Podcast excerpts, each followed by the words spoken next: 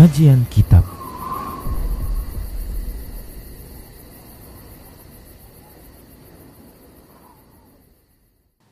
Bismillah, Assalamualaikum warahmatullahi wabarakatuh. Innal hamdalillah nahmaduhu wa nasta'inuhu wa nastaghfiruh wa na'udzu billahi min shururi anfusina wa min sayyiati a'malina من يهده الله فلا مضل له ومن يضلله فلا هادي له واشهد ان لا اله الا الله وحده لا شريك له واشهد ان محمدا عبده ورسوله صلى الله عليه وسلم قال الله جل وعلا يا ايها الذين امنوا اتقوا الله حق تقاته ولا تموتن الا وأنتم مسلمون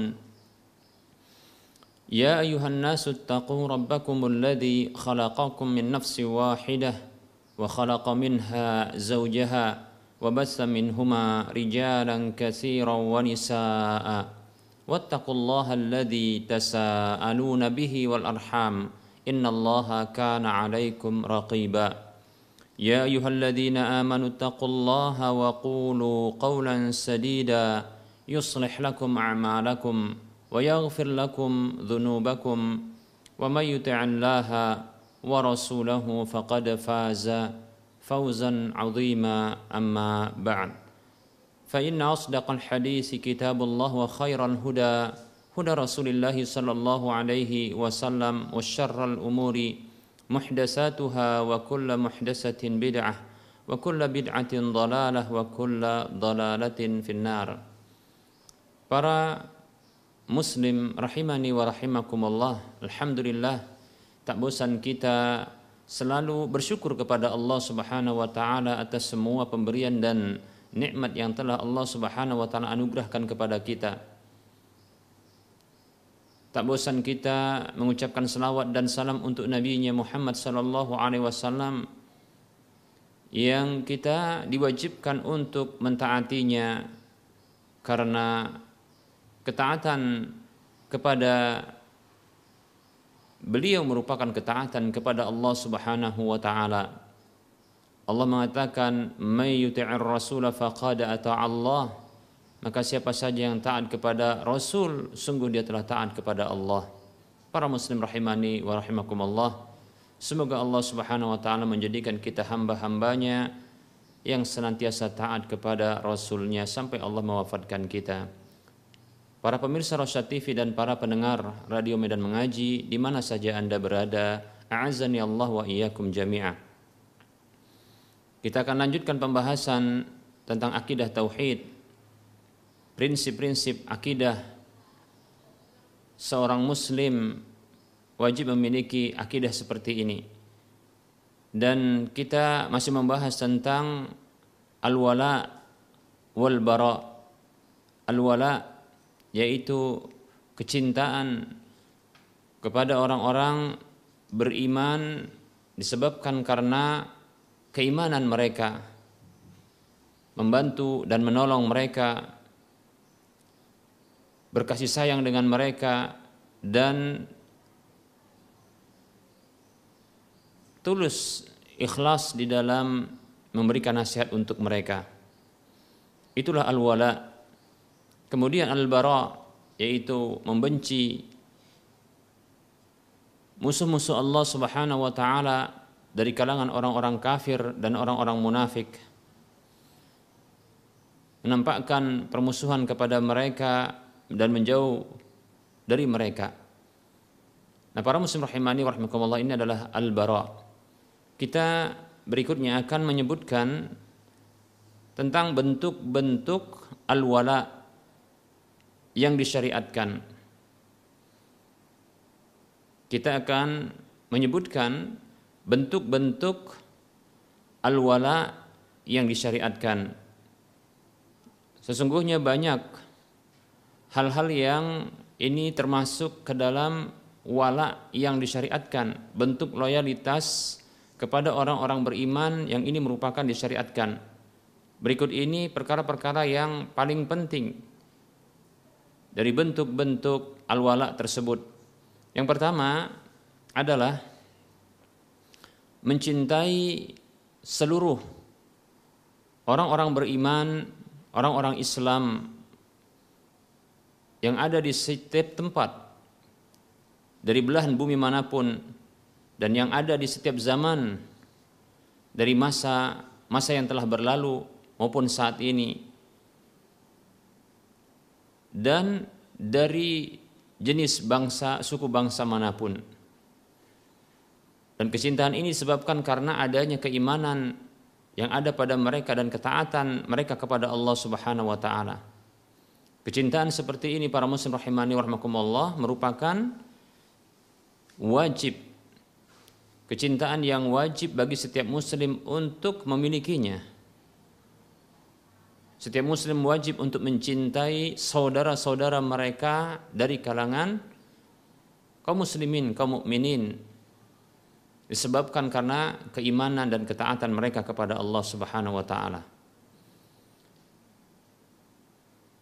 Dalil yang menunjukkan hal ini adalah sebuah hadis yang diriwayatkan oleh Imam Muslim dalam kitab sahihnya dari sahabat Abu Hurairah radhiyallahu anhu yang mengatakan Rasulullah sallallahu alaihi wasallam beliau bersabda Walladhi nafsi biyadihi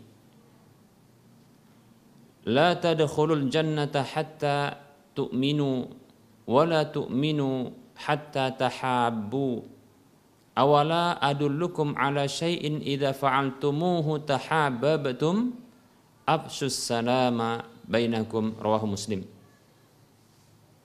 Nabi Shallallahu Alaihi Wasallam bersabda yang artinya demi Allah zat yang jiwaku berada di tangannya sesungguhnya kalian tidak akan masuk ke dalam surga sesungguhnya kalian tidak akan bisa masuk ke dalam surga sampai kalian beriman. Dan sungguh kalian tidak akan bisa beriman sampai kalian saling mencintai. Maukah aku tunjukkan kepada kalian terhadap sesuatu yang apabila kalian lakukan kalian akan saling mencintai? Absus salama bainakum. Sebarkanlah salam di tengah-tengah mereka. Para hamba Allah rahimani wa rahimakumullah. Allah Subhanahu wa taala menjadikan syarat masuk surga lewat lisan Rasulullah sallallahu alaihi wasallam itu adalah dengan iman. Syarat untuk masuk surga Allah jadikan lewat lisan Rasulullah wasallam itu adalah dengan iman. Dan banyak dalil yang menunjukkan hal seperti ini. Banyak dalil yang menunjukkan hal yang seperti ini. Hanya orang-orang beriman yang mereka masuk ke dalam surga Allah Subhanahu wa taala. Di antara dalil dalilnya adalah firman Allah Subhanahu wa taala di dalam surah Al-Baqarah.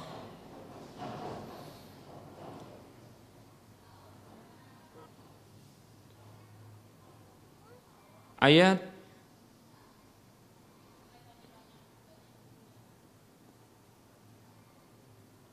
Dua puluh lima Allah mengatakan A'udhu billahi minasyaitanir rajim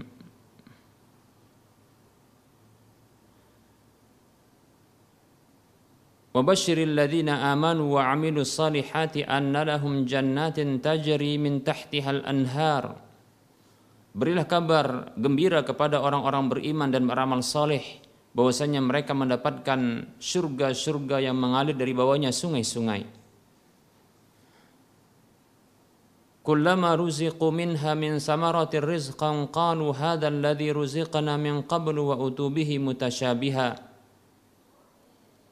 Setiap kali mereka diberikan rizki darinya berupa buah-buahan sebagai rizki bagi mereka, mereka mengatakan ini adalah sesuatu yang kami pernah diberikan rezeki sebelumnya dan mereka diberikan dengannya yang semisal walahum fiha azwajum mutahharatu wa hum fiha khalidun dan mereka mendapatkan di dalam surga tersebut istri-istri pasangan yang disucikan dan mereka kekal di dalamnya.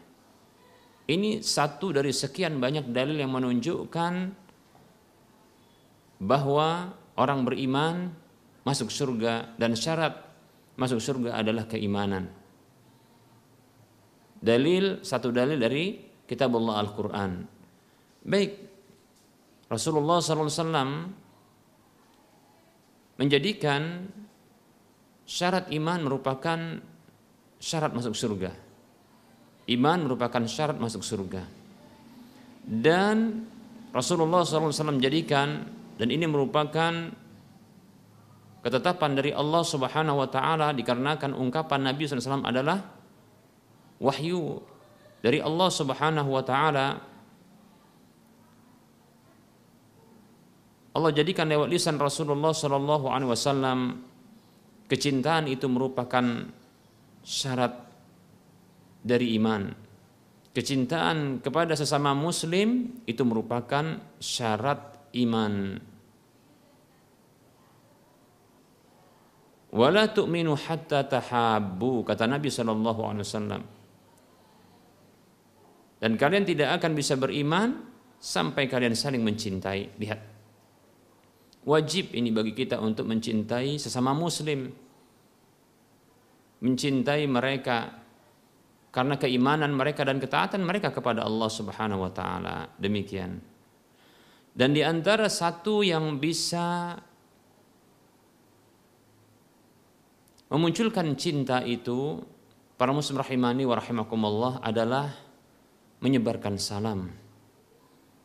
Nabi kita Muhammad sallallahu alaihi wasallam awala adullukum ala syai'in idza fa'altumuhu tahabbtum afsus salama bainakum.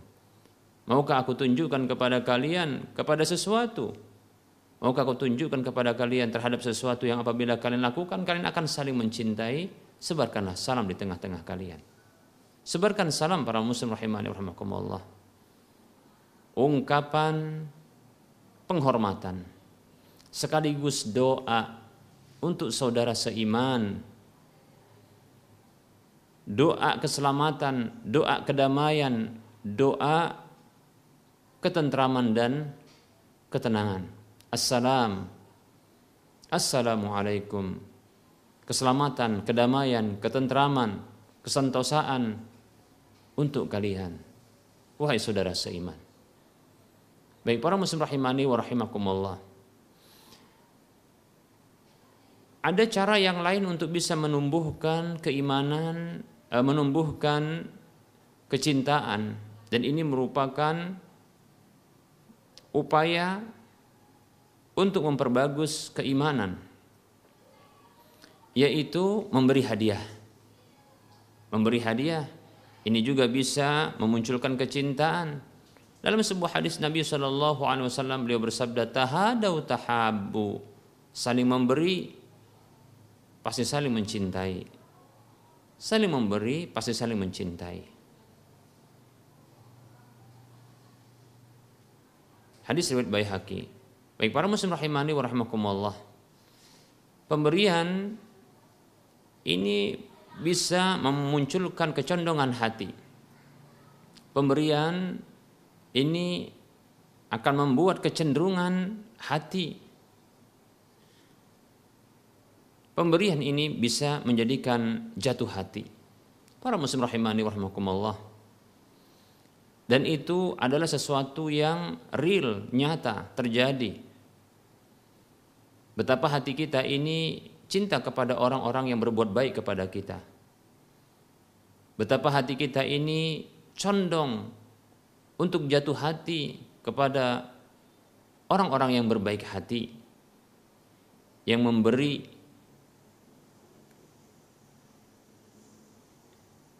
kepada kita. Nah, para muslim rahimani warahmatullah. Oleh karenanya secara naluri kita itu mencintai kedua orang tua kita karena mereka adalah orang-orang yang banyak memberi kebaikan kepada kita. Begitu juga kita mencintai pasangan-pasangan kita yang syar'i bagi yang sudah menikah tentunya. Karena kebaikan-kebaikan mereka.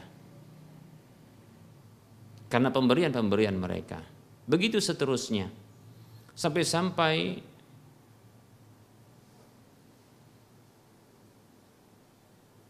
orang-orang yang memiliki misi agama sampai-sampai orang yang memiliki misi agama untuk menyebarkan agamanya kepada orang-orang yang beragama lain. Mereka mengambil jalur ini. Mereka mengambil faktor ini untuk membuat condongnya hati kepada agama mereka. Hanya dengan sekotak indomie atau yang semisalnya pemberian-pemberian yang berkelanjutan ini ternyata membuat condongnya hati, meluluhkan hati dan jatuh hati. Dan akhirnya jatuh hati. Demikian. Berpindah agama kepada agama yang lainnya. Baik para muslim rahimani wa rahimakumullah. Ini tidak bisa dipungkiri ya bahwa pemberian ini akan ya membuat cinta. Demikian para muslim rahimani wa rahimakumullah. Oleh karenanya di antara orang yang berhak untuk menerima zakat ditetapkan oleh Allah Subhanahu wa taala di dalam surah At-Taubah ayat 60 Allah Subhanahu wa taala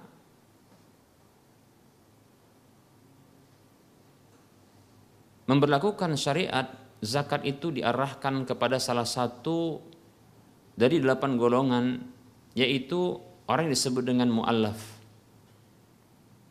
yaitu orang-orang yang belum kuat imannya orang-orang yang ada kecondongan kepada kebaikan kepada Islam namun belum kuat imannya maka disyariatkan untuk memberi bagian zakat itu untuk mereka.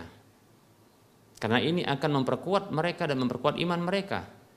Kecintaan mereka demikian. Ya. Allah Subhanahu wa taala berfirman, A'udzu billahi minasyaitonir rajim. Innamas shadaqatu lil fuqara'i wal masakini wal 'amilina 'alaiha wal mu'allafati qulubuhum. Ila akhiril ayah. Sesungguhnya sedekah-sedekah wajib itu yaitu zakat diarahkan kepada fakir, miskin, petugas zakat dan mu'allaf yang dilunakkan hati mereka sampai akhir ayat ini. Jadi antaranya. Baik para muslim rahimani warahmatullah. Pemberian ini bisa mendatangkan cinta, memunculkan cinta. Demikian. Oleh karenanya, ini bukti dari cinta, yaitu saling memberi. Dan cinta bisa juga ya akan dimunculkan dengan pemberian seperti ini. Demikian para muslim rahimani wa rahimakumullah ya. Selain salam ya, demikian ya. Begitu juga sebenarnya hal-hal yang lain yang merupakan kebaikan ini bisa akan memunculkan cinta juga. Seperti menunjukkan wajah yang berseri-seri, senyum manis, ya. Ini ternyata ya bisa juga memunculkan rasa senang, rasa cinta, demikian. Makanya Rasulullah SAW menjadikan itu sebagai sedekah. Tabassumuka fi wajhi akhika sedekah. Senyum manismu di hadapan wajah saudaramu itu adalah sedekah. Dan jangan pernah sepele dengan hal seperti ini. Wajah yang berseri-seri kata Nabi SAW la tahqiranna minal ma'rufi syai'a walau antalqa akhaka akhaka biwajhin taliqin Jangan kau remehkan kebaikan satu kebaikan sedikit pun. Walaupun engkau bertemu dengan saudaramu dengan wajah yang berseri-seri. Demikian, ya. Nah, itu bukti ya. Bukti bahwasanya kebaikan-kebaikan ini ini akan memunculkan cinta di antaranya ucapan salam demikian. Maka hendaknya hendaknya seorang muslim dan mukmin ya mereka memperlakukan hal seperti ini di kalangan mereka ucapan salam senyum manis ya wajah yang berseri-seri saling memberi demikian maka ini akan memunculkan cinta dikarenakan cinta kepada sesama muslim disebabkan keimanan dan ketaatan mereka itu merupakan bentuk kewajiban bagi setiap muslim. Demikian para muslim rahimani warahmatullah.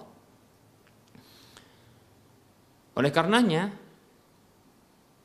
hendaknya berhati-hati bagi setiap muslim dia memusuhi, dia membenci saudaranya seiman karena urusan dunia. Hati-hati. Berhati-hati kita ketika kita dalam urusan dunia kita membenci seorang muslim dan mukmin. Kita mau merangi mereka, memusuhi mereka. Ya. Dalam urusan dunia atau karena urusan dunia atau mungkin karena ya fanatik buta, ya, fanatik madhab kita katakan, ya, atau hanya karena ada perseteruan, permusuhan yang terjadi di antara keduanya. Ya. Maka berhati-hati, waspada kita, karena sesungguhnya permusuhan seorang mukmin kepada mukmin yang lain ini akan berakibat buruk yang dikhawatirkan ternyata mukmin yang kita musuhi tersebut, seorang muslim yang kita benci dan kita musuhi tersebut, ternyata ia merupakan salah satu dari wali-wali Allah Subhanahu wa taala. Orang-orang yang mereka ini ya memiliki ketaatan kepada Allah Subhanahu wa taala. Yang mereka ini bisa jadi memiliki kedudukan di sisi Allah Subhanahu wa taala, keimanan yang mereka miliki, ketaatan yang mereka punyai, ya. Amal ibadah yang mereka senantiasa hiasi diri. Ya. dengannya mereka menghiasi diri diri mereka. Maka berhati-hati kita. Bisa jadi Orang seperti ini para muslim rahimani warahmatullah adalah wali Allah Subhanahu wa taala. Ya. Dalam satu hadis Nabi Shallallahu alaihi wasallam, hadis yang disebut dengan hadis wali, ya, hadis wali.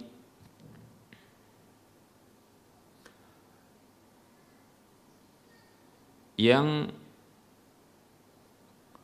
ini diriwayatkan oleh Imam Al-Bukhari rahimahullahu taala di dalam kitab sahihnya dengan nomor urut hadis 6502 dari sahabat Abu Hurairah radhiyallahu anhu Rasulullah sallallahu alaihi wasallam beliau bersabda Allah tabaraka wa taala berfirman innallaha qala. Sesungguhnya Allah taala berfirman Man adani waliyan faqad adantuhu bil harbi. Siapa saja memusuhi waliku. Orang yang maksudnya Allah cintai. Orang yang Allah Subhanahu wa taala ridhoi. Orang yang dia mencintai dan meridai Allah Subhanahu wa taala. Maka orang ini disebut dengan wali. Karena ketaatannya kepada Allah Subhanahu wa taala. Maka hati-hati kita. Allah mengatakan faqad adantuhu bil harbi maka sungguh aku umumkan kepadanya dengan peperangan. Masya Allah. Luar biasa. Ya. Kita mengetahui ada satu dosa yang kita takut untuk melakukannya. Ada satu dosa yang kita begitu jijik untuk melaksanakannya. Satu dosa yang ternyata bisa menghadirkan bentuk peperangan kepada Allah Subhanahu wa taala dan rasulnya yaitu riba. Ternyata ada dosa yang lain yang Allah Subhanahu wa taala memerangi hamba tersebut bahkan Allah sendiri yang memulai peperangan dengannya yaitu dosa memusuhi wali-wali Allah Subhanahu wa taala orang-orang yang Allah cintai karena kedekatannya kepada Allah dengan ibadah-ibadahnya, dengan ketaatannya. Demikian. Kemudian Allah Subhanahu wa taala mengatakan wa ma taqarraba ilayya 'abdi bi syai'in ahabba ilayya mimma iftaradtuhu alaihi. Tidaklah hambaku mendekatkan dirinya kepadaku dengan sesuatu yang paling aku cintai melebihi dari apa yang telah aku wajibkan kepadanya. Tadi kita katakan wali itu adalah orang yang dicintai oleh Allah Subhanahu wa taala dikarenakan ibadah-ibadahnya. Nah, ternyata ada sesuatu yang membuat Allah cinta dari ibadah-ibadah tersebut sehingga Allah mencintai pelakunya. Yang paling dicintai oleh Allah dari ibadah-ibadah tersebut adalah ibadah yang wajib, yang Allah telah wajibkan. Demikian. Jadi wali Allah adalah orang yang mendekat kepada Allah dengan ketaatannya, yang melakukan ketaatan kepada Allah, menjadi orang dekat Allah Subhanahu wa taala. Wa ma yazalu 'abdi yataqarrabu ilayya bin nawafili hatta uhibbahu dan senantiasa hambaku tersebut mendekatkan dirinya kepadaku dengan amal-amal sunnah sampai aku mencintainya. Lihat. Kalau dicintai oleh Allah Subhanahu wa taala, maka tentunya dialah wali Allah Subhanahu wa taala. Dan itu ditandai dengan ditandai dengan ketaatannya. Ya. Fa idza ahbabtuhu kuntu sam'ahu alladhi yasma'u bihi. Maka apabila aku mencintainya, aku menjadi ya pendengarannya yang aku yang dia mendengar dengannya maksudnya adalah aku membimbing pendengarannya. Maksudnya Allah membimbing pendengarannya. Wa basarahu alladhi yubsiru bihi dan menjadi penglihatannya yang dia melihat dengannya. Maksudnya Allah membimbing penglihatannya. Wa yadahu allati yabtishu biha dan aku menjadi tangannya yang dia menyentuh dengannya. Maksudnya Allah membimbing ya tangannya.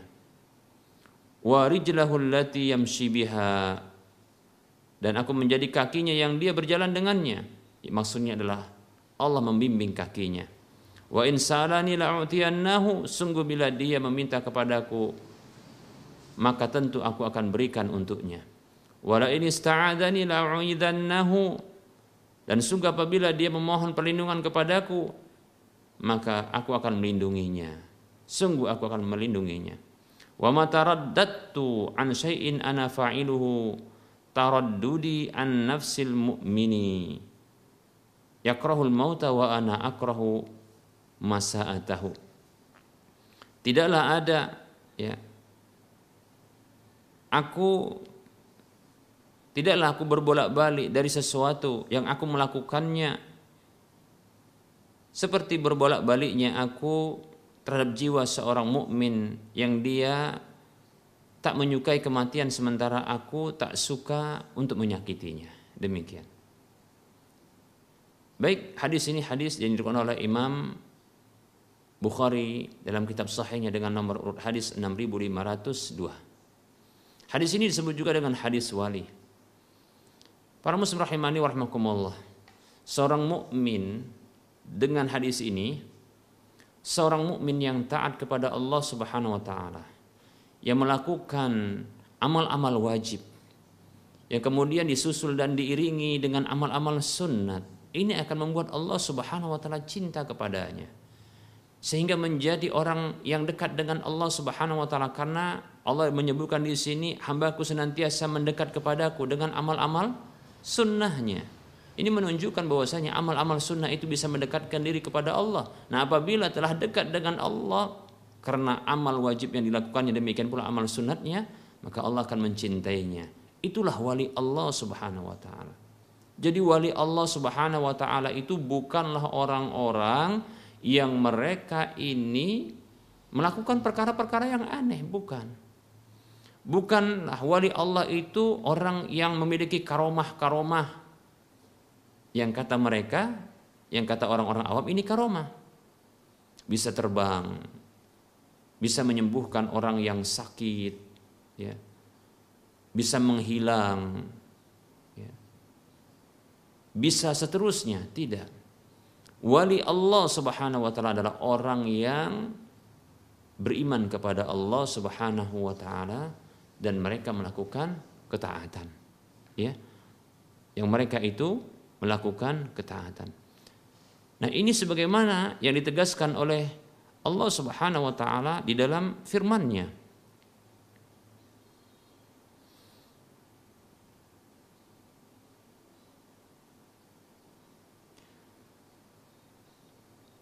Yaitu Allah Subhanahu wa taala menyebutkan tentang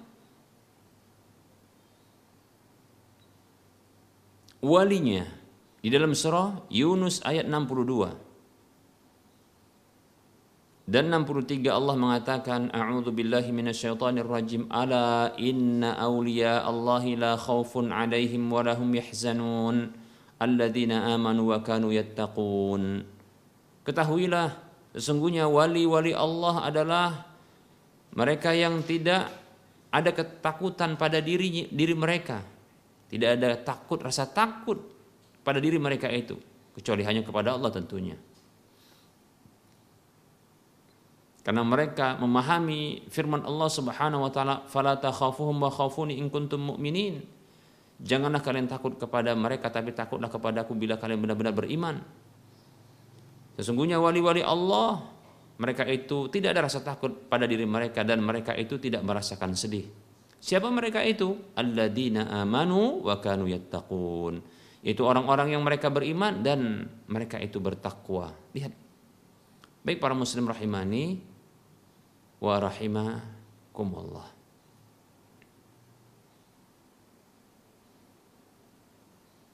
Ini adalah wali Allah Subhanahu wa taala. Ya. Apabila seorang mukmin dan muslim yang tentunya mereka memiliki keimanan, lalu mereka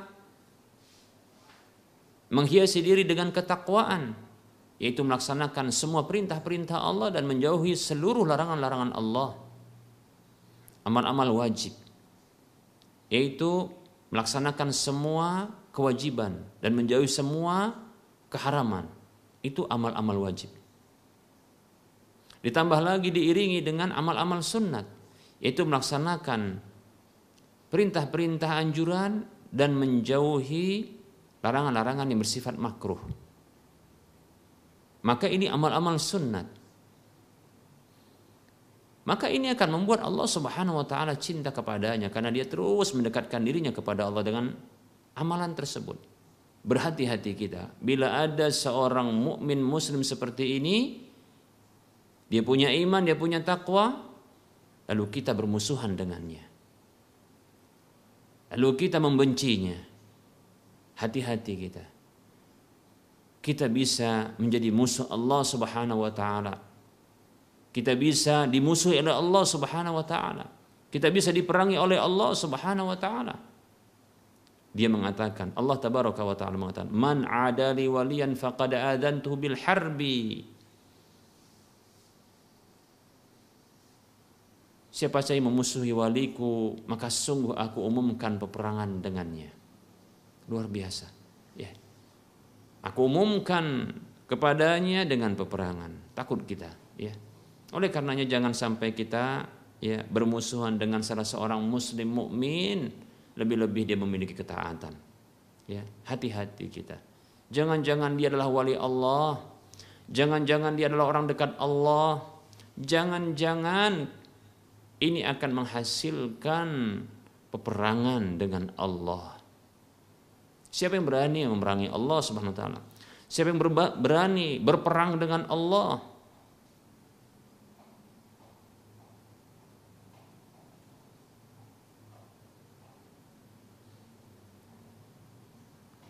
Oleh karenanya, ya, berhati-hati kita.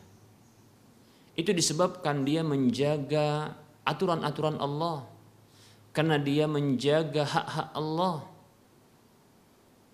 Dia menjaga ketakwaan kepada Allah. Sehingga Allah subhanahu wa ta'ala pun yang akan menjadi pembelanya.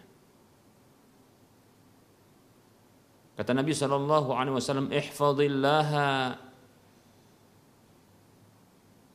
yahfadka ihfadillaha tajiduhu tujahaka. Jagalah Allah yaitu dengan menjaga hak-haknya menjaga batasan-batasannya. Perintah-perintahnya dikerjakan larangan-larangan itu ditinggalkan. Itu bentuk menjaga Allah maka dia akan menjagamu. Jagalah Allah dengan menjaga batasan-batasannya, dengan menjaga hak-haknya. Semua perintah dikerjakan, semua larangan ditinggalkan. tajiduhu tujahaka. Maka engkau dapati dia berada di hadapanmu. Lihat. Allah akan menjadi pembela bagi orang yang menjaga hak Allah Subhanahu wa taala. Melaksanakan semua perintahnya dan menjauhi semua larangannya. Demikian. Maka seorang mukmin berhati-hati ketika dia memusuhi seorang muslim yang dia memiliki ketaatan, yang dia menjaga hak-hak Allah. Karena ternyata Allah pembelanya. Allah ada di hadapannya. Allah yang akan memerangi siapa saja yang memeranginya dan memusuhinya. Demikian. Masya Allah. Ya. Para muslim rahimani rahimakumullah. Takut kita. Kalau begitu tidak ada pilihan bagi kita kecuali mencintai saudara-saudara kita seiman. Hilangkan kebencian. Hilangkan permusuhan. Demikian. Selagi dia memiliki keimanan, selagi dia memiliki ketaatan, maka kita wajib memberikan kecintaan kepadanya. Ya. Dan maafkan segala kekurangan dan kesalahan Semoga Allah SWT memaafkan kita pula seperti itu. Cinta yang wajib para muslim. Mencintai saudara seiman. Baik para muslim rahimani wa rahimakumullah. Ini di antara bentuk wala yang disyariatkan. Baik, kita cukupkan dulu untuk penyampaian materi.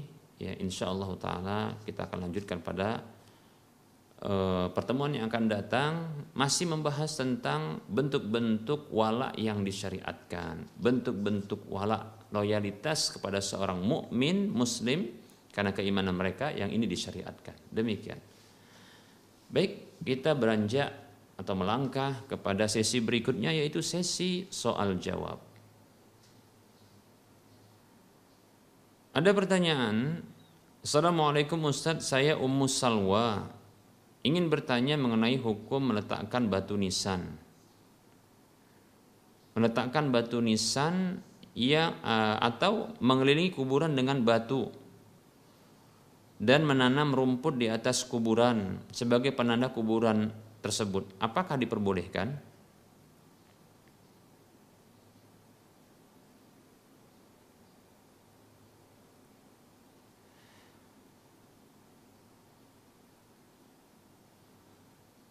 Baik, Waalaikumsalam warahmatullahi wabarakatuh.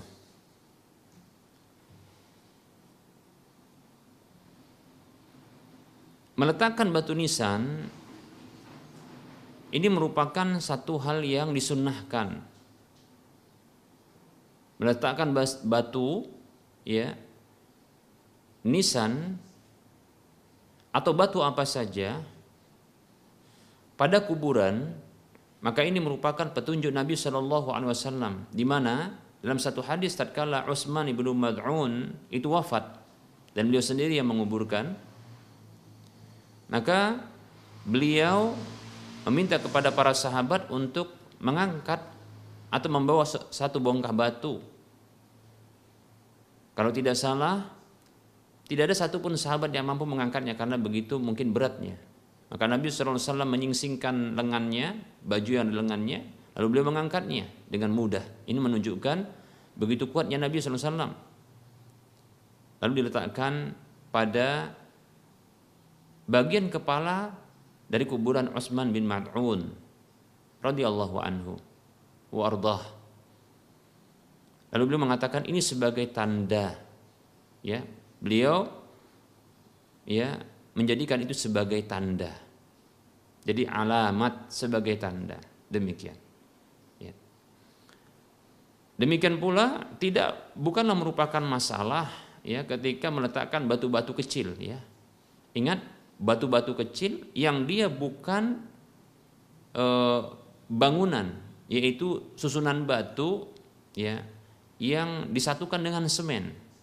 Karena memplester demikian pula menyemen itu disebut dengan membangun kuburan dan ini dilarang oleh Nabi SAW. Ya, dalam satu hadis salah seorang sahabat mengatakan, ya Nabi SAW melarang ya e, menulis-nulis, membangun kuburan dan duduk di atas kuburan demikian. Ya. Nah oleh karenanya meletakkan batu sebagai tanda di kuburan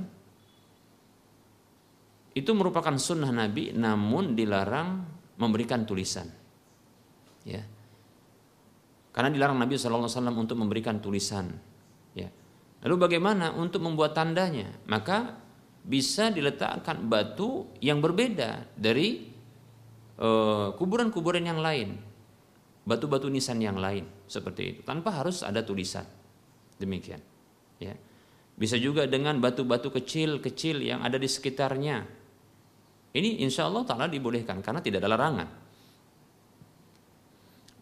Nah demikian pula, pula kalau seandainya menanam rerumputan, wallahu taala alam, saya sendiri belum mendapatkan larangan ya tentang menanam e, rerumputan di atas kuburan tersebut. Asalkan jangan sampai ada keyakinan keyakinan yang bermacam-macam tentang uh, rerumputan tersebut atau bebatuan tersebut kecuali hanya sebagai tanda saja.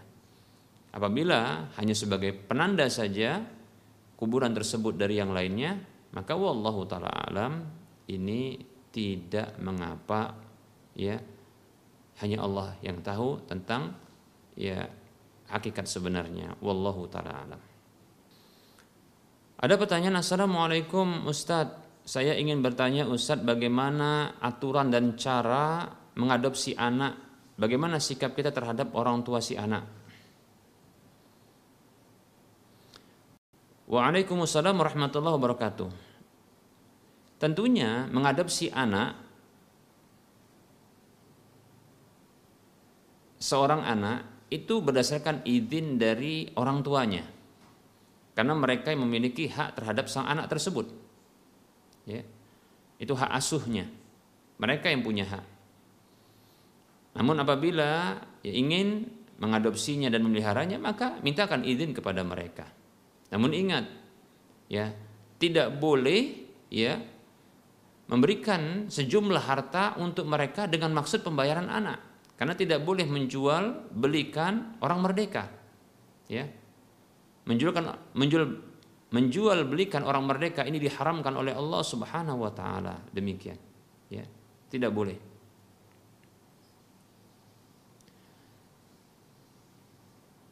Nah, oleh karenanya eh, bila memberi ya memberi karena begitu senangnya kepada orang tua si anak karena mengizinkan untuk mengadopsi anak, maka tidak masalah namun itu bukan sebagai bentuk pembayaran atas anak tersebut ya. Hanya sebagai bentuk berterima kasih demikian ya. Kemudian berikutnya setelah mendapatkan izin adalah ya e, memperhatikan nasab sang anak. Tidak boleh nasab anak tersebut dinisbatkan kepada orang tua adopsi ya tidak boleh tetap saja anak tersebut harus diadopsi uh, harus dinisbatkan ya nasabnya itu kepada orang tuanya. Demikian. Sebagaimana Nabi SAW dilarang untuk menisbatkan anak angkat beliau yaitu Zaid kepada nama beliau sendiri. Dilarang oleh Allah SWT ketika beliau memberikan penisbatan untuk Zaid dengan Zaid bin Muhammad SAW ditegur oleh Allah SWT akhirnya Nabi SAW ya menisbatkan Zaid itu kepada ayahnya Zaid bin Harisah radhiyallahu anhu demikian seperti itu. Baik ini yang kedua. Yang ketiga ya adalah tidak boleh menghalangi perjumpaan antara orang tua dengan anak tersebut tidak boleh ya Nah, tidak boleh mengaburkan nasab, tidak boleh juga e, mengaburkan silaturahim, memutuskan tali silaturahim antara anak dengan orang tuanya. Nah, ini dia ya. Tidak boleh. Tidak boleh menghalangi perjumpaan anak tersebut dengan orang tuanya dan tidak boleh memutuskan tali silaturahim antara anak dengan orang tuanya, orang tua dengan anak tersebut. Maka tidak masalah. Ya, seperti itu. Tidak masalah untuk mereka saling bertemu ya dan agar mengenalkan ini adalah orang tuanya kita hanya orang tua asuhnya kemudian yang berikutnya ketentuan berikutnya adalah memperhatikan tentang kemahroman. Apabila kelak si anak tersebut dia telah dewasa. Ya, telah mengalami balik. Bila anak tersebut adalah anak laki-laki, maka perhatikan ya dengan ibu angkatnya, begitu juga keluarga-keluarga yang berjenis kelamin wanita dari uh, keluarga adopsi ini, ya keluarga yang mengadopsinya, seperti anak perempuan dari uh, anak perempuan dari ibu adopsi atau apa namanya anak perempuan dari orang tua adopsi ini, ya. Begitu juga mungkin uh, saudari-saudari mereka, maka ini harus berhati-hati. Mengapa? Karena kemahroman ini ya karena mereka bukanlah mahram. Ya. Karena mereka bukanlah mahram. Ya. Jadi perhatikan ya persentuhan ya. Perhatikan kemahroman ini. Ada cara untuk membuat menjadi mahram. Baik itu antara uh, ayah adopsi dengan anak angkatnya yang perempuan atau ibu adopsi dengan eh, anak adopsi yang laki-laki. Ya. Kita ulangi ya. Harus diperhatikan tentang kemahroman ini, ya. Kemahroman ini. Baik itu ayah adopsinya dengan anak angkat perempuan ini, ya, atau ya ibu adopsi dengan anak angkat laki-laki seperti itu. Perhatikan. Ya. Sebenarnya ada cara untuk membuat anak adopsi ini menjadi mahram bagi mereka berdua. Jika dia berjenis kelamin laki-laki dalam kondisi masih menyusu asi maka bisa disusui. Baik itu oleh ibu adopsinya atau ibu angkatnya atau keluarga perempuan yang masih menyusui dari ibu adopsinya ini. Seperti contohnya saudari-saudari ya perempuan yang sedang menyusui dari ibu angkatnya ini untuk menyusui ya anak angkat laki-laki yang masih menyusu. Ya. Para ulama berbeda pendapat berapa kali susuan ada yang mengatakan satu kali cukup, ada tiga kali, ada yang mengatakan lima kali, ada yang sepuluh kali. Saya condong berdasarkan hadis Aisyah yaitu lima kali susuan sampai kenyang. Sekali susuan itu sampai kenyang dan itu lima kali berulang seperti itu. Ya, demikian. Maka ketika itu sudah menjadi mahram. Ya, jadi kalau dia anak angkat ini, bayi angkat ini, ya itu berjenis kelamin laki-laki, maka bisa disusui oleh ibu angkat ini kalau dia sedang menyusui. Atau dengan ya wanita-wanita yang sedang menyusui dari kerabat yang sangat dekat dari ibu angkat ini. Seperti saudari-saudari kandungnya ya. Atau bisa jadi juga ibu dari ibu kandung dari ibu angkat ini kalau memang masih um, kalau kalau menyusui ya. Atau anak kandung atau bibi ya bibi dari ibu angkat ini ya yang sedang menyusui dan seterusnya ya. Sehingga ini akan menjadi eh, mahram antara keduanya. Demikian. Apabila bayi tersebut adalah bayi perempuan dan masih menyusu maka bisa disusui ya oleh saudari-saudari kandung dari ayah angkatnya atau kita katakan adalah bibi ya dari ayah angkat ini. Bibi kandung ya. Atau anak kandung kalau masih apa namanya masih menyusu. Kalau uh, kalau seandainya mungkin dia masih menyusu demikian. Seterusnya yang jelas wanita-wanita yang sedang menyusu ini adalah wanita-wanita yang menjadi kerabat dekat dari sang ayah angkat ini. Ketika bayi yang mau diangkat diadopsi ini adalah berjenis kelamin wanita. Seperti itu. Sehingga ini akan muncul kemahroman dari jalur sepersusuan. Dari jalur persusuan. Demikian. Seperti itu. Ya. Nah apabila tidak maka perhatikan ya kemahroman ini ya. Memperhatikan persentuhan memperhatikan berduaan ya kedekatan dan pemeliharaan adopsi tidaklah menjadikan ini mahrom. Ya, karena kemahroman ini sebabnya ada tiga. Yang pertama adalah nasab. Kalau kalau kita katakan adalah karena sedara. Kemudian yang kedua adalah karena pernikahan seperti antara mertua dengan menantu, menantu dengan mertua seperti itu. Kemudian dikarenakan sepersusuan. Ya, demikian. Ini sudah kita jelaskan tadi. Seperti itu. Ya. Anda pun sekedar adopsi saja, ya maka tidak. Demikian. Perhatikan persentuhan karena ada ancaman dari Nabi Shallallahu Alaihi Wasallam. Kata Nabi Shallallahu Alaihi Wasallam, la an yuta'ana fi ra'si ahadikum bimikhyatin min hadidin khairun lahu min an yamassa imra'atan lam tahilla lahu. Hadis riwayat Tabrani. Sungguh ditusuknya pada kepala salah seorang di antara kalian dengan pasak dari besi itu lebih baik baginya ketimbang dia menyentuh wanita yang tidak halal baginya. Seperti itu. Dan jangan pula berduaan dengannya. La ya yakhluwanna ar-rajulu bimra'atin illa wa ma'aha mahramin. Tidak boleh seorang laki-laki berduaan dengan seorang wanita kecuali bersamanya ada mahramnya. Begitu juga jangan sampai dia bersafar ya dengan orang yang bukan mahramnya tentunya. Ya. La tusafiril mar'atu illa ma'adhi mahramin. Tidak boleh wanita itu bersafar kecuali dengan mahramnya. Nah seperti itu. Ya. Maka hati-hati. Ya. demikian semoga bermanfaat. Wassalamualaikum uh, wallahu a'lam.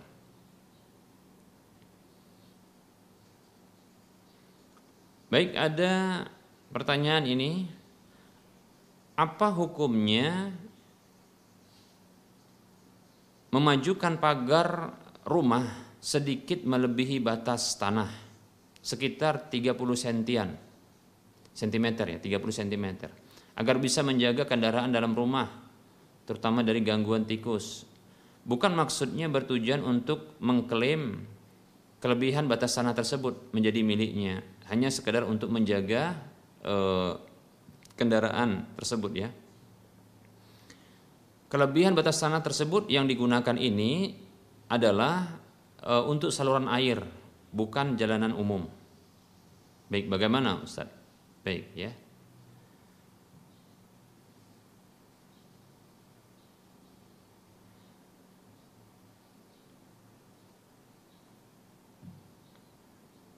Untuk kondisi seperti ini, maka tentunya dimintakan izin terlebih dahulu kepada masyarakat yang mengalirkan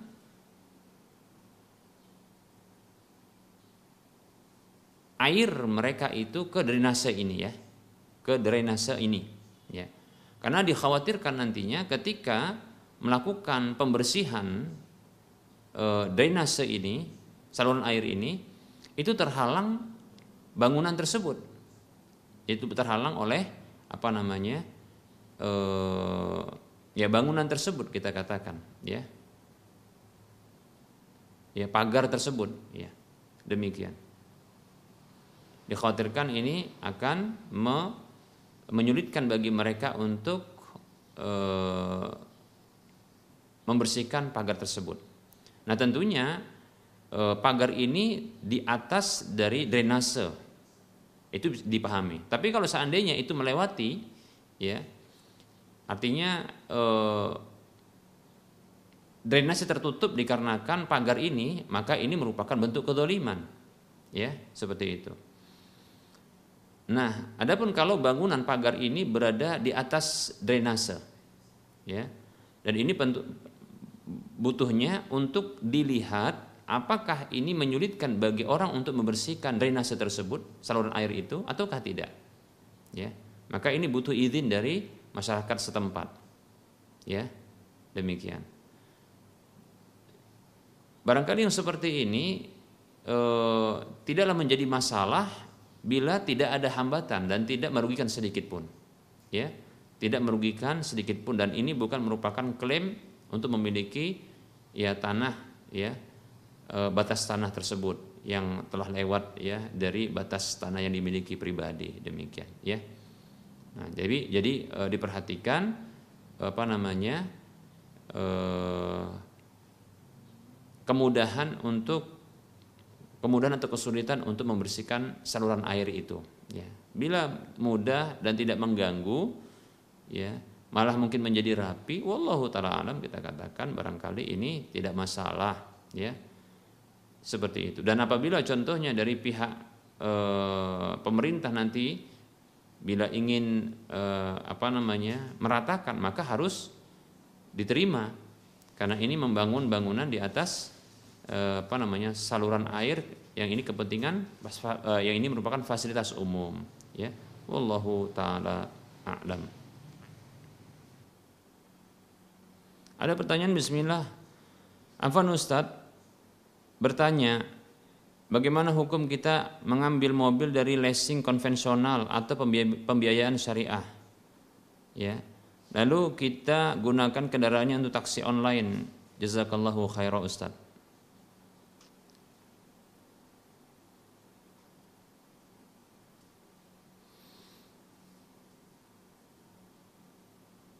Baik, ya.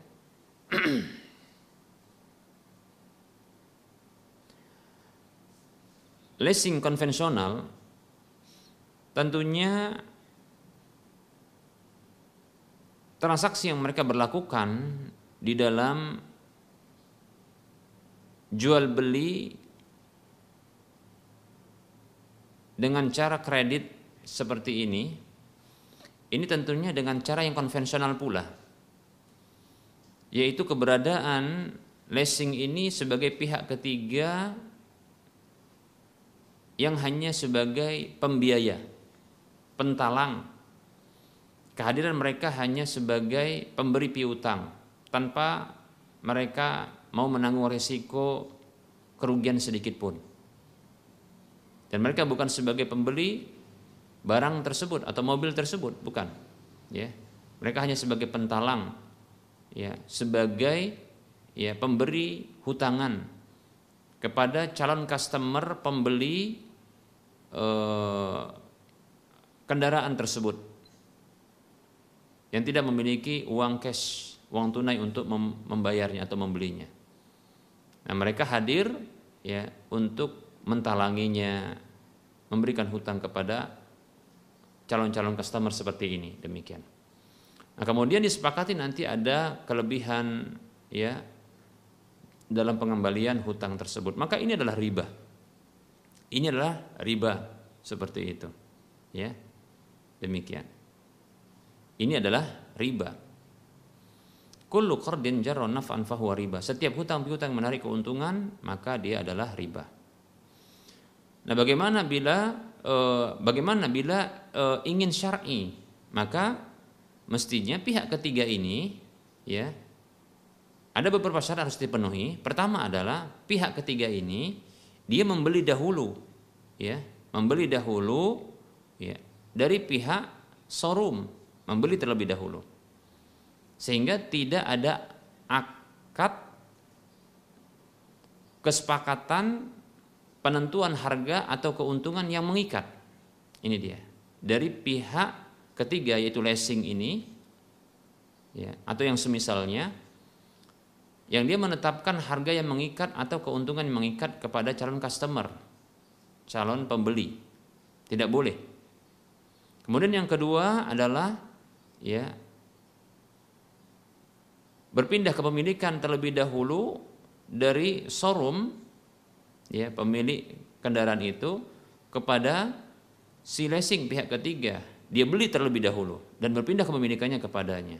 Nah setelah itu baru dia bertransaksi. Dan di sini harus ada hak khiar ini syarat ketiga yaitu ada hak khiar itu hak memilih ya untuk melanjutkan atau membatalkan jual beli bagi calon customer ini. Ya bagi calon customer ini ya calon pembeli dia boleh untuk membatalkan bila contohnya ternyata harga yang ditawarkan ini terlalu tinggi lalu dia tidak berkenan untuk melanjutkan jual beli, maka harus ada hak akhir ini harus diberikan. Nah, apabila ketiga syarat ini dipaksakan, yaitu tadi dikatakan ya terjadi e, penentuan harga yang mengikat atau keuntungan mengikat. Begitu juga ya e, tidak ada berpindahnya kepemilikan dari showroom kepada leasing. Ya. Kemudian tidak ada hak khiar. Ini berarti jual beli yang terjadi sebelum barang dimiliki. Ini tidak boleh. La tabi' ma laysa indak kata Rasulullah SAW. Tidak boleh. Jangan engkau menjual barang yang tidak engkau miliki. Demikian. Seperti itu. Maka harus berpindah dulu kepemilikannya kepada si si leasing ini. Dia beli dulu, dia beli dan berpindah. Nah kalau dibeli namun belum berpindah kepemilikannya, ini juga tidak boleh. Kata Nabi SAW, Mani bata'a ta'aman fala yabi'hu hatta yakbidahu. Siapa saja membeli makanan, Ibnu Abbas mengatakan segala sesuatu itu seperti makanan. Ya. Maka siapa saja membeli segala sesuatu termasuk makanan, ya, Fala yabihu kata Nabi SAW maka janganlah dia menjual kembali hatta yakbidahu sampai dia ya menerimanya baru dia jual ketika itu. Demikian. Ya. Nah syarat yang keempat setelah yang ketiga tadi ada hak khiyar syarat yang keempat adalah ya tidak ada denda keterlambatan dalam nanti e, pembayaran cicilan tersebut ya. Tidak boleh ada. Kalau ada maka ini riba yang lainnya ya. Itu riba hutang piutang juga. Bahkan ini riba yang disebutkan oleh orang-orang jahiliyah dahulu, anzirni azidaka, berikan tangguh kepadaku, aku akan menambahkan untukmu. Demikian, ya. Seperti itu. Adapun bila terpenuhi syarat ini,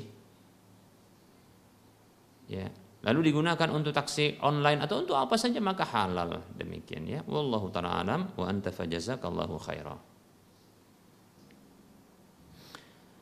Ada pertanyaan Assalamualaikum Ustadz mau bertanya Bagaimana tata cara sholat tahajud bagi perempuan ataupun laki-laki Apakah diharuskan bacaannya dikeraskan atau dipelankan Waalaikumsalam warahmatullahi wabarakatuh Nabi Muhammad Shallallahu Alaihi Wasallam pernah bertanya kepada dua sahabat yaitu Abu Bakar dan Umar radhiyallahu anhumah tentang sholat malam mereka. Ya. Adapun Abu Bakar, beliau sholatnya sebelum tidur. Dan beliau, kalau tidak salah ya, sholat beliau ini sebelum tidur. Dan beliau ini membaca dalam sholat tersebut dengan suara yang lirih, suara yang pelan. Adapun Umar radhiyallahu anhu beliau sholatnya setelah bangun tidur dan beliau membaca dengan suara yang keras dan beliau beralasan bahwasanya ingin membangunkan ya orang-orang yang sedang tidur juga ingin mengusir, syaitan.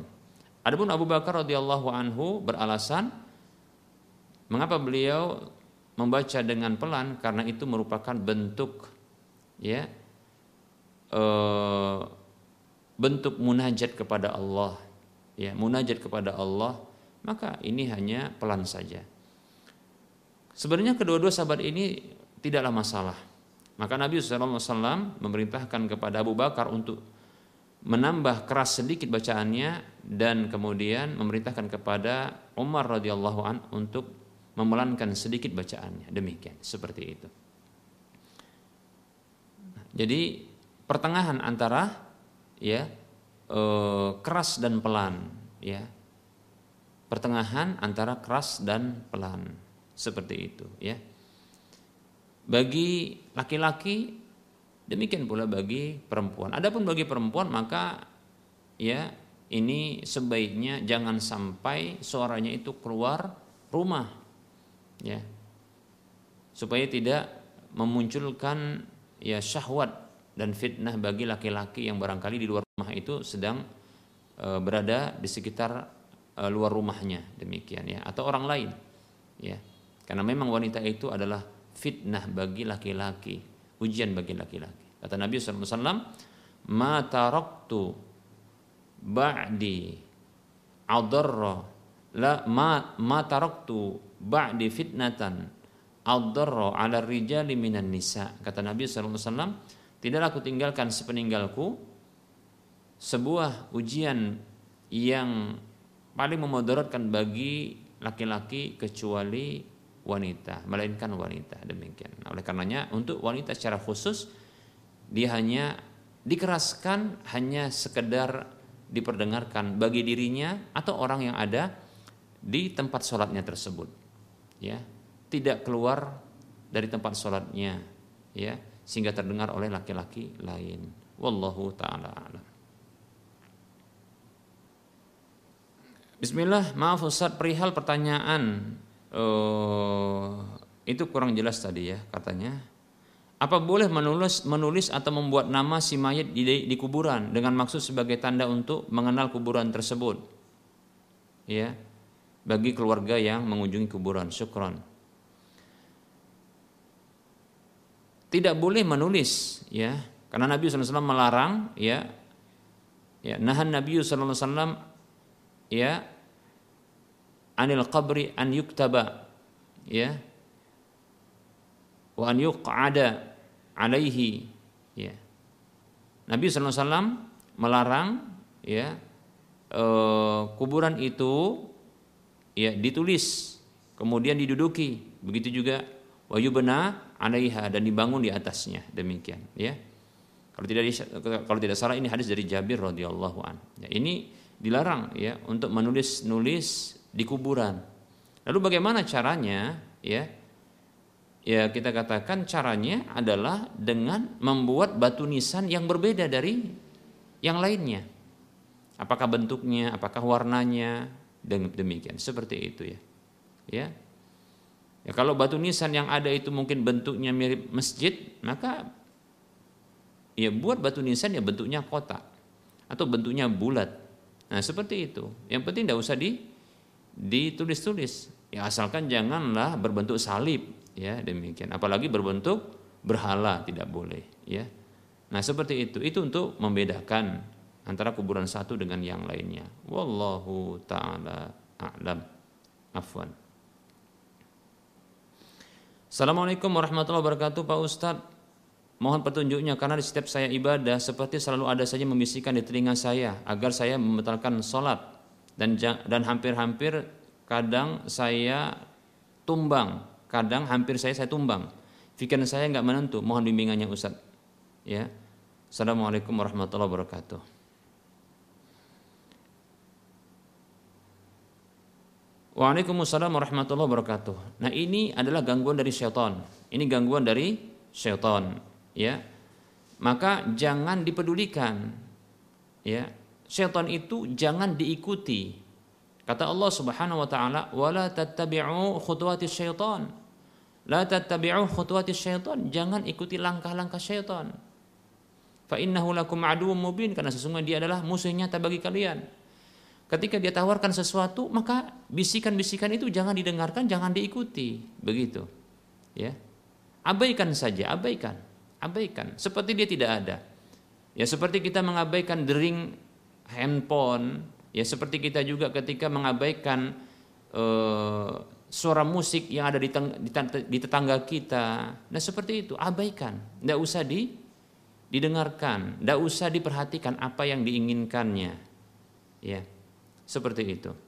Nah kalau dia terus membisikkan, dia datang untuk mengganggu, dibolehkan untuk meludah ke arah kiri dengan bertawud ya yaitu a'udzubillahi minasyaitonirrajim sambil merubah meludah ke arah kiri. Wallahu taala alam. Seperti itu. Ya. Wallahu taala alam. Ya. Minta doa kepada Allah Subhanahu wa taala dari gangguan syaitan senantiasa. Ya. Seperti itu. Mudah-mudahan Allah Subhanahu wa taala senantiasa menjaga kita ya selalu dalam petunjuknya dan pelindungannya dan semoga Allah memasukkan kita semuanya ke dalam surganya. Amin ya rabbal alamin.